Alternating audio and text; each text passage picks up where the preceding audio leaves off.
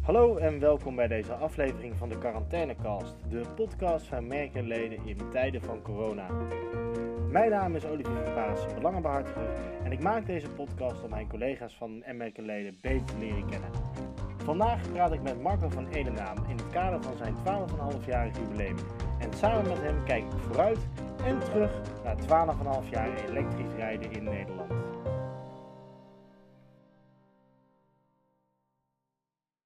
Marco, je bent uh, 12,5 jaar in dienst bij, uh, bij de ANWB. Heb je altijd bij belangenbehartiging gewerkt? Ja, eigenlijk wel. Uh, maar goed, uh, ik ben me op een gegeven moment met elektrisch rijden bezig gaan houden. En dat was niet alleen belangenbehartiging, maar het was nog een heel klein onderdeel. Maar ook hè, voor de hulpverlening een heel relevant onderwerp. Dus eigenlijk ben ik gedurende nou ja, de, de 12,5 jaar altijd wel in dienst geweest bij belangenbehartiging. Maar heb ik me ook ingezet op allerlei andere bedrijfsonderdelen van de ANWB. Uh, voor het ontwikkelen van een laadpaal-laadpaspropositie of de opleiding van, van de wegenwacht mede vorm te geven om aan elektrische auto's te kunnen werken. Dus ehm, ja, altijd bij belangenbehartiging dienst geweest, maar altijd wel geprobeerd om nou ja, ook voor het bedrijf in te zetten. Ja, oké. En, als je nou terugkijkt op die 12,5 jaar waarin je eigenlijk altijd met elektrisch rijden bezig bent geweest. Dus eigenlijk ook een pionier bent op het gebied van elektrisch rijden in Nederland. Wat, wat, heeft jou, wat, is, wat is er de afgelopen 12,5 jaar gebeurd met elektrisch rijden? Wat is er veranderd? Nou ja, toen ik, uh, dat was dus in 2007, kwam ik in dienst. Uh, toen was er überhaupt nog geen sprake van, uh, van een elektrische auto. Ze waren er niet. niemand geloofde erin. Ehm, we kenden het helemaal nog niet. Nou, als je nu uh, en eigenlijk is die elektrische auto pas in 2009 is een beetje begonnen. Maar als je nu uh, in 2020 terugkijkt, dan ja, misschien nog voor veel mensen wel hoor. Maar uh, voor mij en een heleboel collega's is die elektrische auto niet meer weg te denken. en dat is, is toch wel een gigantische verandering. Hè? Momenteel hebben we het over zaken als prijstransparantie. Is het voor mij duidelijk om te weten uh, wat ik betaal als ik mijn elektrische auto oplaad aan een laadpaal. En wat gebeurt er met een accu als mijn stroom teruggeleverd wordt aan het net? Is er dan nog wel garantie op de accu? Dat zijn vragen van nu. En tien jaar geleden zaten we überhaupt nog te wachten op de eerste een beetje normale auto. En openden we nog het eerste laadpunt in, uh, in Rotterdam. Uh, wat ongeveer zo groot was als een, uh, een transformatorhuisje. Ehm, dus ja, die wereld van elektrisch rijden is, is veel professioneler geworden. Um, ja, voor mij is die eigenlijk niet meer weg te denken. Uh, en, en, en gaat dit het worden? En hebben we het nu over hele andere vraagstukken dan, dan tien jaar geleden. Um, voor veel mensen zal de opkomst van elektrisch rijden, want ik heb nog even terug zitten kijken, in 2009 tekenen een soort van akkoord met de hele samenleving en de overheid, NGO's en bedrijfsleven voor 1 miljoen elektrische auto's in 2020. Nou, we weten dat zijn er nu ongeveer 200.000, dus een stuk minder dan wat er toen uh, bedacht en afgesproken werd. Uh, voor veel mensen zal het uh, elektrisch rijden nog steeds heel traag gaan. Maar 10 jaar op, op een schaal van, nou ja, wat hebben we, 125 jaar auto's in, in Nederland, is, is reuze snel. Dit, dit hebben we bijna nog niet, niet gezien. Zo snelle opkomst. Ja. Want die, die eerste elektrische auto in 2009, wat, wat, wat voor iemand kocht dat? Wie, wie was dat? Nou, uh, in 2009 had je een aantal uh, nou ja, bijna brommobielachtige exemplaren. Uh, die gingen 80 kilometer ver en die mochten maximaal 45 kilometer per uur of seconde niet eens harder. 2009 tot 2011 bleef dat zo. In 2011 kwam eigenlijk de Nissan Leaf. Nou, die kent denk ik iedereen wel. En de Mitsubishi IMF. Ik ben zelf een trotse eigenaar daarvan. ja, dat is een kleine, uh, kleine witkoekblikje. Ja, wat nog steeds... Uh, ja, je zou er eigenlijk een 45 kilometer sticker achterop verwachten. als je hem ziet. Maar dat waren dan de eerste normale auto's. Uh, en dat was een, een normaal. Ze zagen er niet normaal uit. Ze kosten niet normaal. Want die dingen waren allemaal nog boven de 50.000 euro. en je kon er maar, nou ja, 125 kilometer ver en je kocht één brok onzekerheid. Uh, Dus de, de enige afnemers die er toen waren, waren bedrijven met een heel vooruitstrevend MVO-beleid. Of die gewoon elektrisch rijden als een marketingonderdeel zagen. Dus nou, die kochten een aantal van die auto's voor de sier, plakten er grote stickers op en lieten zien dat, uh, dat ze ook uh, duurzaam bezig waren. Dus nou, wij hebben dat ook gedaan, maar PostNL uh, is toen met busjes gaan rijden, de energiemaatschappijen. Ehm, er zijn een aantal streekbusvervoerbedrijven in Den Bosch. Had je een vloot van ombouw elektrische auto's. Het waren vooral nog ombouw auto's die daarnaast die Nissan Leaf en die Mitsubishi e waren. Nou, dat waren ze. En later nou ja, vanaf 2012, 2013, toen kwamen die plug-in elektrische auto's, wat ooit bedoeld was als een elektrische auto met een hulpmotortje. Uh, nou, die werden fors fiscaal gestimuleerd. Uh, toen zag je de zakelijke rijder in overstappen. De Mitsubishi Outlander was daar het grootste voorbeeld van. Nou, die auto heeft zich eigenlijk ontwikkeld tot uh, gewone brandstofauto, maar bijna met een extra turbo, wat we dan een batterijpakketje noemen. Um, dat waren echte zakelijke rijders. En uiteindelijk is het nou tot eigenlijk dit jaar voornamelijk de zakelijke rijder geweest die middels een heel laag bijtellingstarief eigenlijk verleid is om in die elektrische auto te gaan rijden. Uh, zakelijk rijders en ondernemers. Ja. Uh, nou, we verwachten eigenlijk vanaf uh, dit jaar dat het ook de particulier gaat worden. Ja. Omdat in die, in, in die tien jaar ontwikkeling zijn er natuurlijk hele andere modellen auto's ontstaan. De actieradius is van 100, 125 kilometer naar inmiddels 450 kilometer gegaan. Uh, de prijzen zijn, uh, zijn behoorlijk gedaald, liggen nog niet op het niveau van een brandstofauto. Maar nou, als je daar een aantal jaar mee rijdt, dan komt het toch wel dicht in de buurt, omdat je lagere onderhoudskosten hebt, lage energiekosten, uh, nog wat fiscale voordelen, zoals geen wegenbelasting. Nou, en dit jaar komt er nog een aanschafsubsidie bij. Uh, voor de particulier. Daar zijn we als ANWB ook heel blij mee. Uh, en dat maakt die auto voor nou ja, groepen particulieren wel, uh, wel interessant nu. Ja. Dus.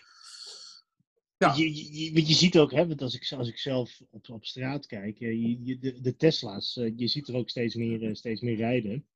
En, en en dat is even omdat het een hele iconische gevormde, gevormde auto is. Maar jij verwacht dus, en wij als ANWB verwachten dus dat de komende jaren veel meer elektrische autootjes gaat zien. Ook veel meer in verschillende prijsklassen. Want hè, die, die, die Tesla, dat is, dat is een hebbedingetje bijna. Hè? Dat is een, een toch een duur apparaat.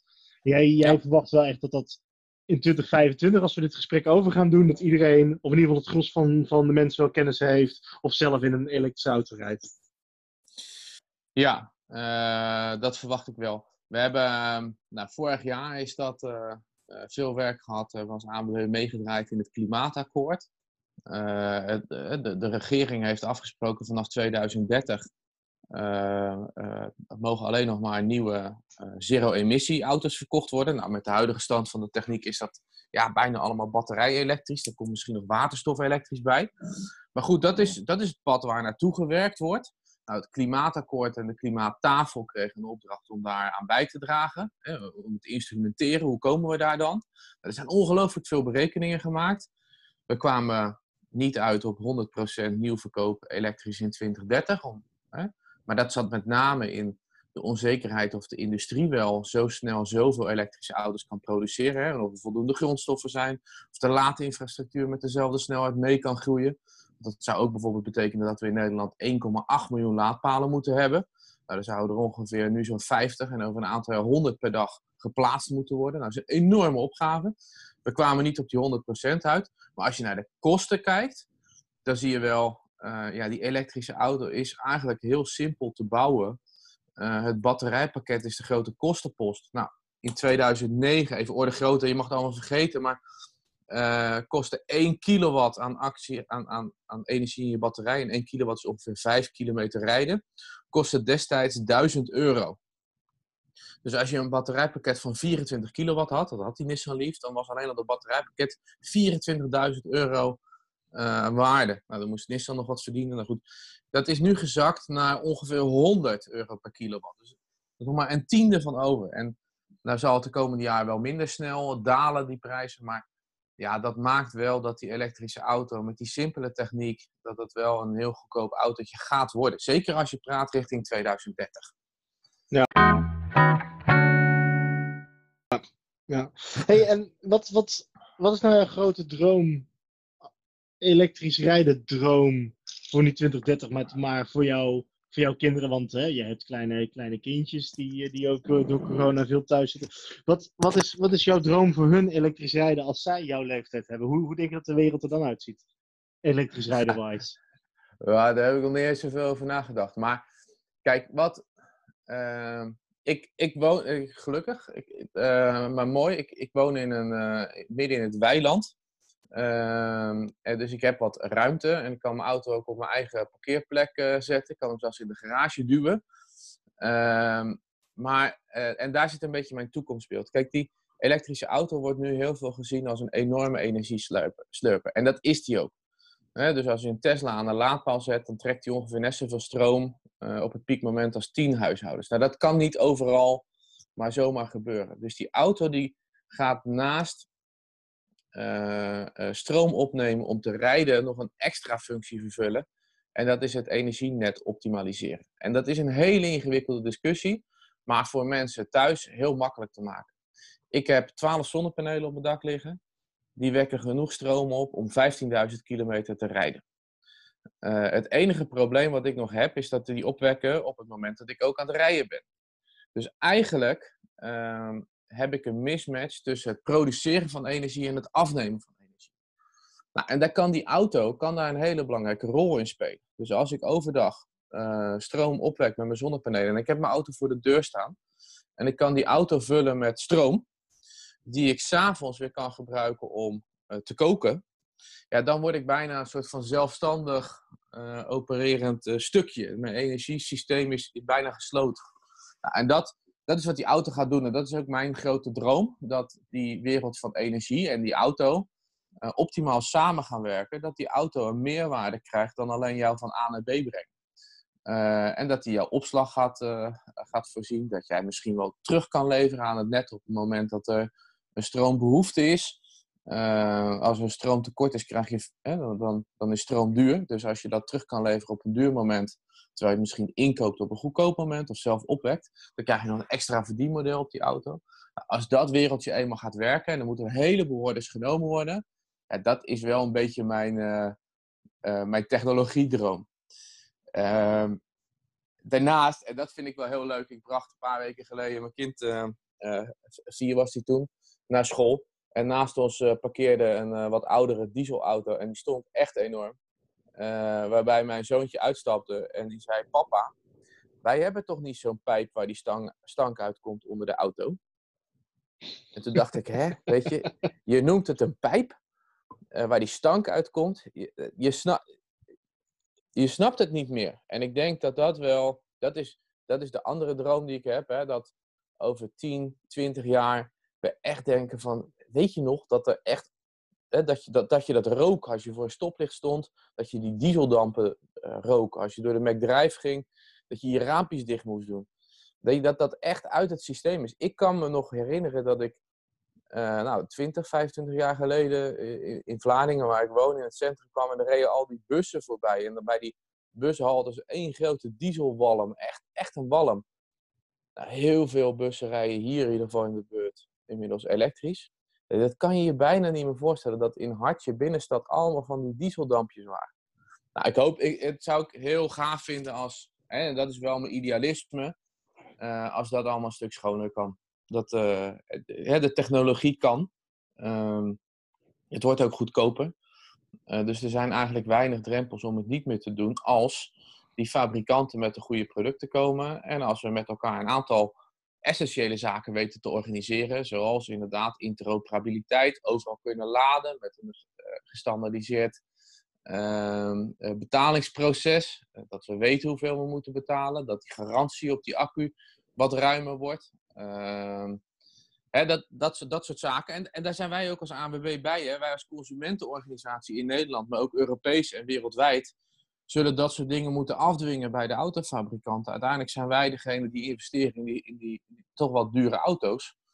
Um, nou, en dan heb je als, als consument een aantal eisen. Uh, en die moeten we nog wel de komende. Hè, we zijn goed op weg. Hè? We hebben hele goede dingen gedaan in het verleden. Uh, ANWB grondlegger van die interoperabiliteit. Het ene pasje, nou dat zie je nergens in de wereld. Daar zijn we echt uniek in. We hebben een enorme bijdrage gespeeld als belangenbehartiging. Uh, maar daar zullen we de komende tien jaar nog enorm veel stappen moeten zetten. Dus het is een heel belangrijk lobbydossier. Kijk, Marco, dankjewel. hoe, hoe ver zitten we? Want, uh, ja, volgens mij zitten, we, zitten, we, zitten, we zitten al wel een kwartiertje en we hebben te horen gekregen dat we het kort moeten houden. Hè? ja, nou, dan doen we dat maar. Dan doen we dat maar. Marco, dank je. Yo. Hoi. Bedankt voor het luisteren naar deze aflevering van de Quarantainekast, waarin ik sprak met Marco van Edenaam over 12,5 jaar elektrisch rijden in Nederland. In de volgende aflevering praat ik met Boris Bijk over ledenonderzoek.